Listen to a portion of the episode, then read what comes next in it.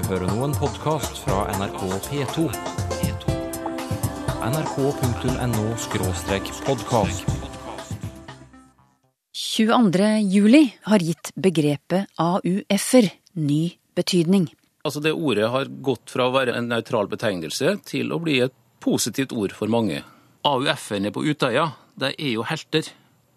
Hør også at i familien retter både barn og voksne på hverandres språk.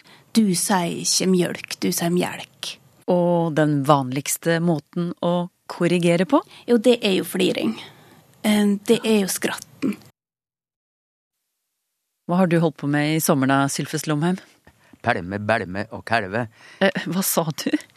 Kalve, Ja vel? eh, pælme, Vet du, nå syns jeg du snakker så rart. bælme. Jeg, jeg, tror du må oppklare det der senere i sendingen. Hendelser kan gi ny betydning til bestemte ord. Vi har eh, nettopp markert ettårsdagen for 22. juli. Er det noen ord som har endret innhold etter terrorhandlingene? Lars Årenes, du underviser journalister i språkbruk, og har blant annet fast språkspalte i fagbladet Journalisten. Du mener at 22. juli har forandret betydningen av begrepet AUF-er. På hvilken måte? Før eh, 22. juli så var jo en AUF-er et medlem i en politisk ungdomsorganisasjon. Etterpå så, iallfall blant den generasjonen som AUF-ene sjøl tilhører, så ble det jo et ord som fikk en betydning ut fra det som skjedde der, altså den terrorhandlinga. Dette var jo de folka som ble utsatt for det, og som eh, prøvde å komme seg unna, som prøvde å berge hverandre, som rett og slett var, havna i en situasjon der de ble utsatt for ytterst dramatiske ting. Og jeg fikk da en eh, melding på språkspalta på Facebook, eh, der en tenåring påpekte at AUF-er var et ord hun kom til å huske, rett og slett fordi det, betydde, det fikk en helt spesiell betydning for henne, hva AUF-ene hadde vært utsatt for. Så det er nok et ord som for den generasjonen har endra betydning etter 22. juli. Kan du si litt mer om hva den nye betydningen vil eh, være? Ja, det er jo vanskelig å se. Altså, det som jeg tror tenåringer som har tenkt litt på dette, mener om det, er jo at dette er jo en form for um, Altså, det, det, går jo inn i en historie, en slags heltehistorie, at dette er ufrivillige helter på Utøya som rett og slett blir utsatt for en forferdelig handling, og som reagerer ut fra det, og reagerer på måter som andre har merka seg som positive. Vi sier jo at ord kan være positivt ladet, de kan være negativt ladet. Med tanke på det, hvordan vil du si at begrepet AUF-er har eventuelt forandret seg etter 22. juli? En AUF-er, altså det ordet har gått fra å være neutral, en nøytral betegnelse til å bli et positivt ord for mange. Du, det er jo en stor og dramatisk hendelse som har gitt begrepet AUF utvidet innhold. Men ellers, når hendelser forandrer ordenes betydning, så sier du at da er det som regel små begivenheter som spiller inn. Hva tenker du på egentlig? Det er små og til dels veldig ukontrollerbare begivenheter. Altså det, det, er jo som regel hendelser i media, noe som skjer i mediene. Noe som blir vist på fjernsyn, kanskje i mindre grad sagt på radio. Men etter en, en eller annen liten begivenhet som, som, foregår der ute, og som uh, på en eller annen måte får et språklig vedheng. Og Eksempler på det er jo, det er jo, det er jo sånne morsomheter som Skrukken, altså en skrukk, fikk jo en helt ny betydning etter at Harald Eia leverte diverse ting på fjernsyn. En rubb det er jo, rubb var jo ikke noe spesielt ord før Oddbjørn Hjelmeset snakka om at han har fått is i rubben på en stafett. Og folk begynte å ta til seg dette ordet. Og så har vi jo sånne ting som uh, ta en eli. Det vil jo veldig mange forstå hva det er. Um, så det er jo sånne ting som skjer i mediene, mediene som er litt uventa, altså kuriøse ting egentlig, ikke alvorlige, som plutselig får et ord hekta på seg, og som, som kan bli brukt i andre sammenhenger. Du nevnte at eh, når det gjelder valører, så nevnte du at eh, begrepet AUF har gått fra å være et relativt nøytralt begrep til å få en positiv valør. Har du andre eksempler på det? At ord har gått enten fra positiv til negativ valør, eller motsatt, eller fra akseptert til tabuord? Altså, ja. Ja. har du noen sånne eksempler som viser det? Det kryr av eksem- eksempel på det, og hvis vi tar et par historiske, så er det jo klart at den barmhjertige samaritan, den lignelsen til Jesus, er jo en, eh, det handla jo om en folkegruppe som ble sett ned på. Men en mann som da hjelper en annen, uten at han måtte det, etter at en prest og forskjellige andre hadde gått forbi. Når den historien havna i Bibelen, så blir jo en samaritan selvfølgelig et meget eh, hyggelig ord. Altså Det er noen man gjerne vil være. Det ønska jo ikke de som levde på den tida, for de så da rett og slett ned på samaritanene. Eh, fra litt nyere tid så er det Jøssingen som eh, Det var jo denne forferdelige hendelsen i Jøssingfjorden, og der eh, avisa til nazistene i Norge da hengte ut de menneskene der borte som jøssinger, mens motstandsbevegelsen De brukte altså som et negativt ord, mens motstandsbevegelsen øyeblikkelig brukte ordet jøssing som en patriot. Det sto i motsetning til quisling, så var det negative ordet. Og i nyere tid, homse, negativt ord som eh, homsene tok til seg og sa OK, vi kaller oss homser, og vi syns det er positivt. Så ble det positivt. Så er det et ord som diett, som med liksom, den nye helsebølgen har gått fra å være et ord, en medisinsk behandling egentlig, til å bli en veldig positiv ting som du må drive med. Iallfall noen syns det.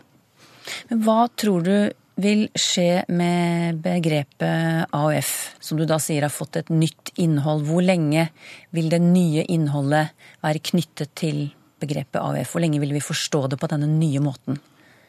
Jeg tror de som opplevde dette, og i den unge generasjonen, vil nok huske det hele livet. Men generasjoner som kommer etterpå, vil ikke nødvendigvis knytte noe til det hvis ikke hele tida har en, et, eh, en tilførsel av positiv verdi. Altså at AUF Altså dette var jo AUFs eh, forferdelige opplevelse av noe som ikke har skjedd før, og forhåpentlig aldri skjer igjen.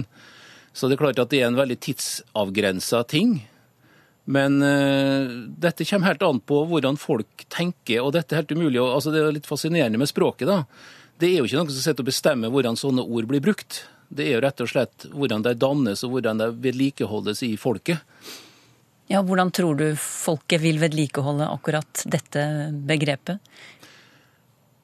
Ungdomsgenerasjonen i dag vil huske det, vil huske AUF-er med den spesielle konnotasjonen, den sammenhengen. Yngre vil kanskje ikke. Det mente språkmann og forfatter Lars Årenes.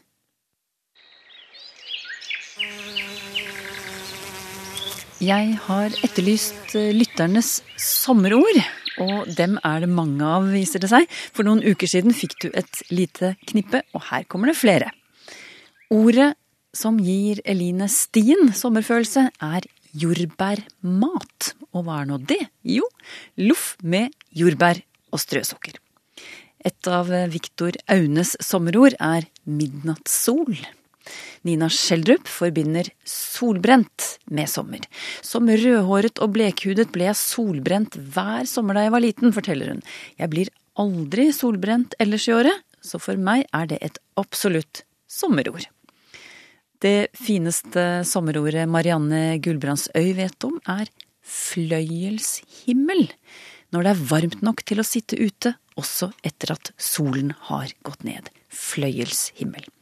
Og for Morten Haugen er favorittordet isstopp. Det forteller om lange bilturer med innlagte pauser, til glede for dem i baksetet. Takk til alle fem som bidro med litt sommerstemning i Språkteigen i dag. Vår eksklusive T-skjorte kommer i posten. I en familie er det ikke bare foreldrene som lærer barna å snakke riktig. Alle familiemedlemmer retter på hverandres språk. Barn, søsken og besteforeldre. Det er ett av funnene i et doktorgradsarbeid som foregår ved Universitetet i Bergen. Edith Bugge, du besøkte en bygd i Romsdal for å finne materiale til oppgaven din, og så oppdaget du altså annet at unger godt kan rette på de voksne når de snakker. Eh, Hvordan da, for eksempel? Et, et typisk eksempel fra intervjuene mine, det er jo den tolv år gamle jenta som avbryter far sin midt i ei historie, for å fortelle han at eh, nå, pappa, nå snakker du ikke rett dialekt. Du sa Gjelseth. Du veit at du sier egentlig Gjerseth. Så, så barn, barn har også meninger om eh, riktig og galt språk. Ja, og klare forestillinger om hva det er som er den rette norma. Ja, og dette var et eksempel på hvordan de kan korrigere de voksne. Men det finnes flere måter, og du har laget deg noen kategorier du, for hvordan familiemedlemmer retter på hverandres språk. Eh, Kan du fortelle hvilke kategorier det er? Ja. Jeg kan først si at materialet mitt er jo da fra, fra intervju med familier. Hvor jeg både ser på de avbrytelsene som kommer i løpet av intervjuet. At nå, nå sa du ikke, og du sier egentlig, og det heter noe egentlig. Og i, eh, i tillegg så ser jeg da på, på fortellinger. Altså jeg får dem til å fortelle om, om språklig korreksjon hjemme. Og da, disse her fortellingene som jeg får ut, der er det jo både sånn eh, retting av typen åpen regelformulering. Sånn som vi hadde med, med den tolv år gamle jenta. Altså, altså, det var feil det du sa nå. Ja, sånn nemlig. helt rett Ja, på sak. Ja. Ja. Det heter ikke pil og bue, det heter pil og båge, for Ja. Men så har vi også sånn åpen regelformulering om konsekvens. Altså at enkeltpersoner, et krav om at enkeltpersoner skal være språklig konsistente i dialektbruken sin. Du sier ikke mjølk, du sier mjelk, for eksempel. Det som er interessant med, med, med denne typen retting, er at den omtrent alltid går i retning av tradisjonell dialekt. Altså det er ikke i retning av bokmål eller standard eller, eller noe sånt, men det er i retning av, av rett og god og skikkelig dialekt. Og så går det jo fra, fra sånn åpen regelformulering til, til det mer diffuse og mer skjulte. Eh, Ja, eksempel eh, ei, ei jente som forteller at stefaren hennes bruker å late som at han ikke forstår hva hun sier når hun skal på kino. Um, så der er det jo ikke helt klart nødvendigvis at, at det her er en korreksjon. Man, Men- man håper at den andre skal skjønne det selv. på Nemlig, et vis. nemlig. nemlig. Men, men det er likevel et, et språklig element, et enkelt språklig element som man er ute etter. Ja. Og så er det det enda mer diffuse, enda mer uklare referansen i f.eks. storesøsken som, som forteller småsøsken før de går på skolen at nå må du ikke snakke sånn at jeg blir flau. Jaha. Og da er det jo enda vanskeligere å vite hva, hva det egentlig er man, man refererer til. Ja, hva er det de ikke vil de skal gjøre, da? Ja, det er det. hva er det? Og, det- og det vet du ikke i. Men det vet storesøsknene, det vet småsøsknene. Men eh, det er jo å snakke eh, rett og godt og skikkelig og normalt og vanlig. Men, du, du den, den vanligste formen for sånn korrigering når det gjelder språket, hva er det? Jo, det er jo fliring. Eh, Det er jo skratten. For eksempel ei en mor som, som eh, tar telefonen, en telefonselger, og så forklarer hun da på bokmål at eh, jeg, 'jeg har ikke tid nå', og da kan resten resten av familien sitte og skratte i stua. Hvorfor ler de? Jo, det er jo fordi en mor har gått ut av Ikke ut av sitt gode skinn, akkurat, men hun har gått ut av eh, den norma som hun skal bruke. Trådt over ei språklig grense. Ja, hva er det hun har gjort for noe, egentlig? Hva slags språk er det hun har, Nei, hun har jo, hun har jo knota. Det er jo det hun har gjort. Ja, normalisert dialekten sin? Nemlig. Var fra Østlandet, den eh, telefonselgeren, da. Ja, det veit vi ikke. kan han være fra Sverige. Ja. Men, eh, men, det, men det er jo på en måte brudd på den her inngruppe, inngruppespråket, da.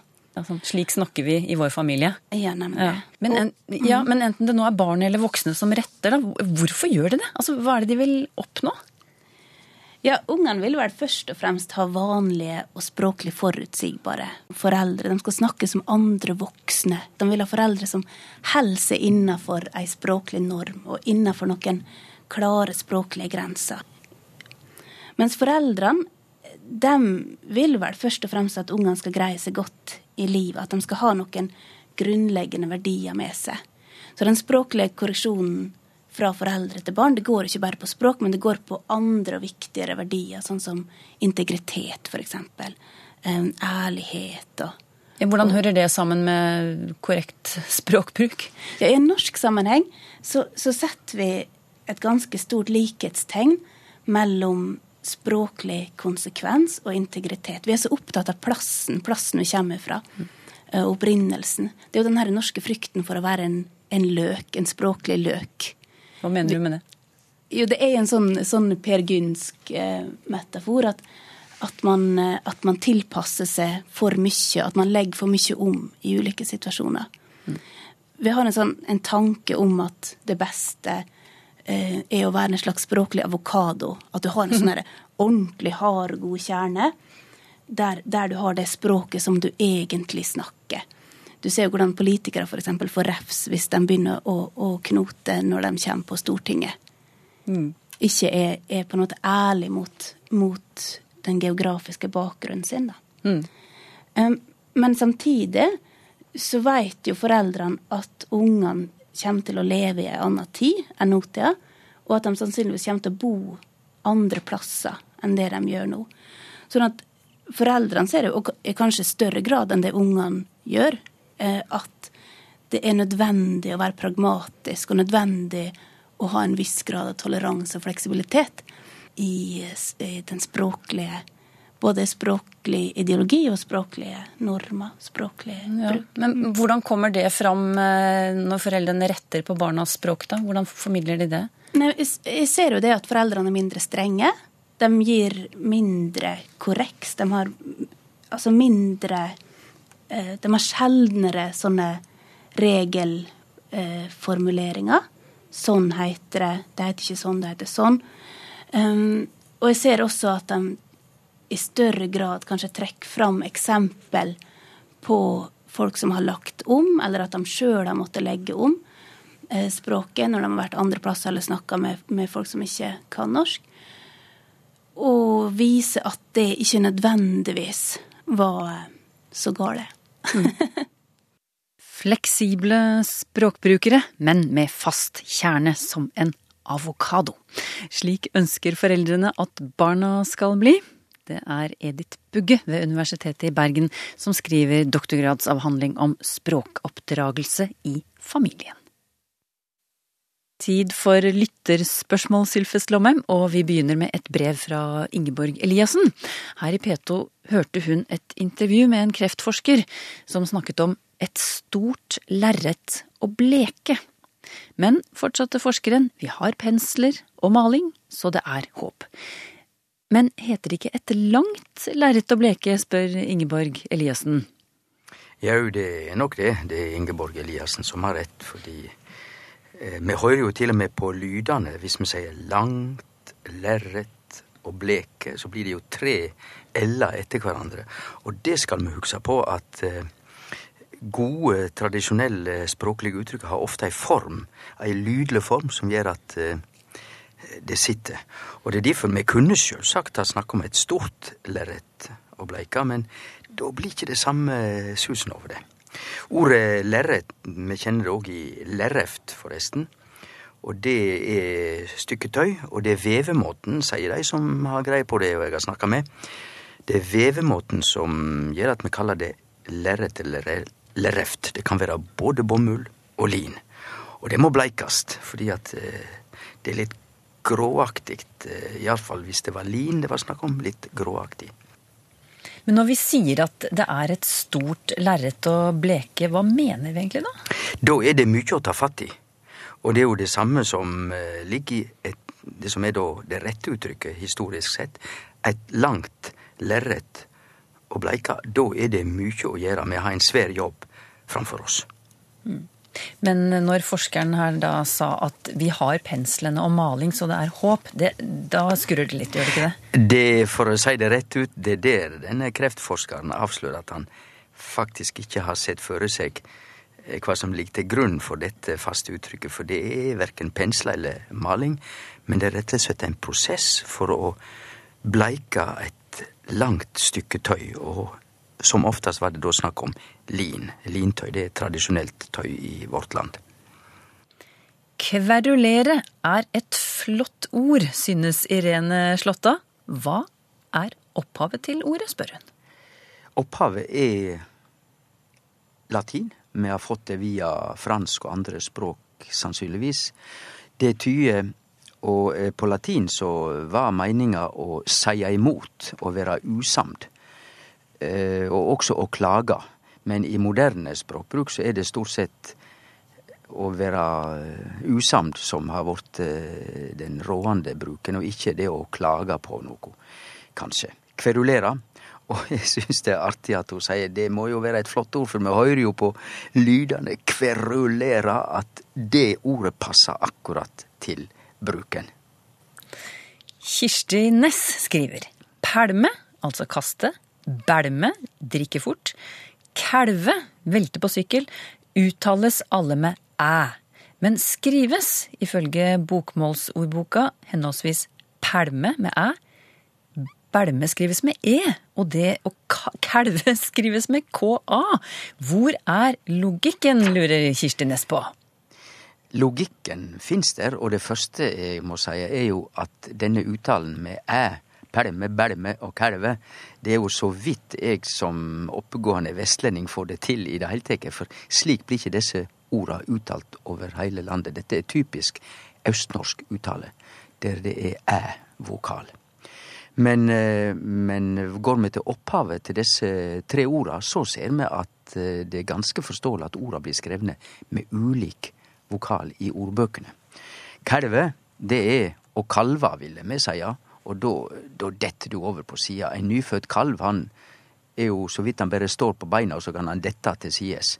Så det er å kalve, ikke sant? Og så har vi eh, pelme.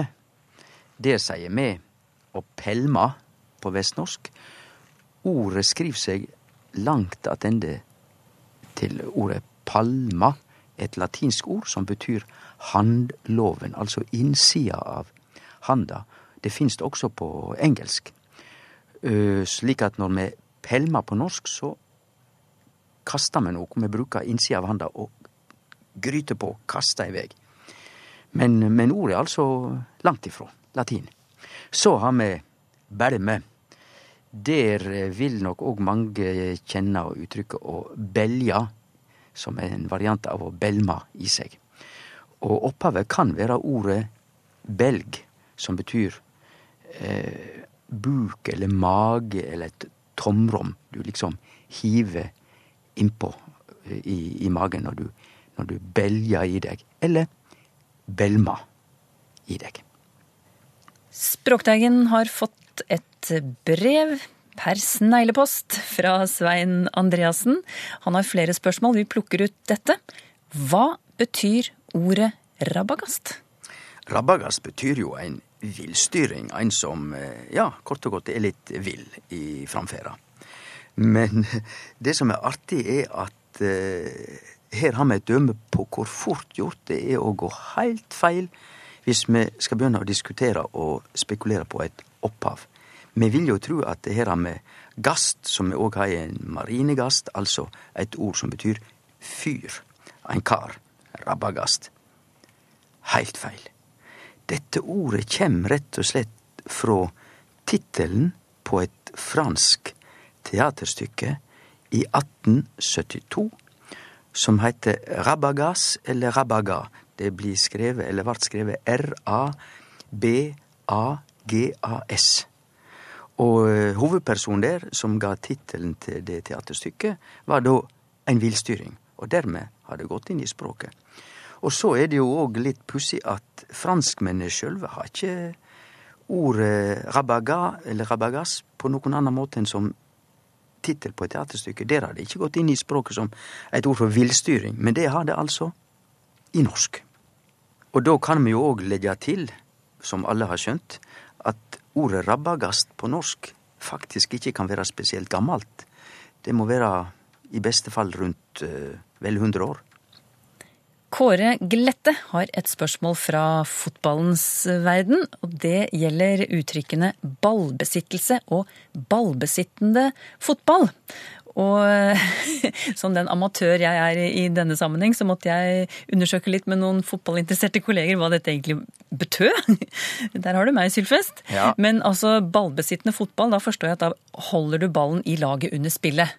Da, da, ikke sant? Da har jeg forstått det riktig. Ja. Mm. Ja, Vi bør ikke gå så veldig langt inn på det, men, men da er det sagt i hvert fall. Nå, hvorom allting er. Hva slags uttrykk bør vi bruke på nynorsk for disse ordene, spør Kåre Glette. Han har noen forslag. Ballinnehav og ballinnehavende fotball. Eller de kortere og mer metaforiske balleige og balleigande fotball. Og han sier alle nynorskskrivende fotballinteresserte venter spent på svaret. Da vil jeg først si at de fire uttrykka som Kåre Glette nevner, så er det bare to som er i nærleiken av å være noenlunde akseptabel språkbruk, mener jeg. Balleige og balleigende fotball, for da er det fotball der et lag eier ballen mye og sentrer mye att og fram. Men jeg vil, som nynorskskrivende og nynorsksnakkende menneske, si veldig klart at vi må ikke ha den haldninga til ord og uttrykk at det finst eit ord som svarer til et annet ord hele tida. Da, har vi ei feil grunnhaldning til språk. Vi skal leite etter heile seiemåtar og uttrykk, gjerne heile setningar, som kan uttrykke det samme som et annet ord vi er interessert i å finne dekning for. Så jeg ville si at på nynorsk så er det bare å si et lag som har mye ballen, et lag som sentrer mye. Fotball der et lag har mye ballen, osv. Rett, rett og slett kort og greit og sjølforklarende. Språkteigen er slutt for i dag.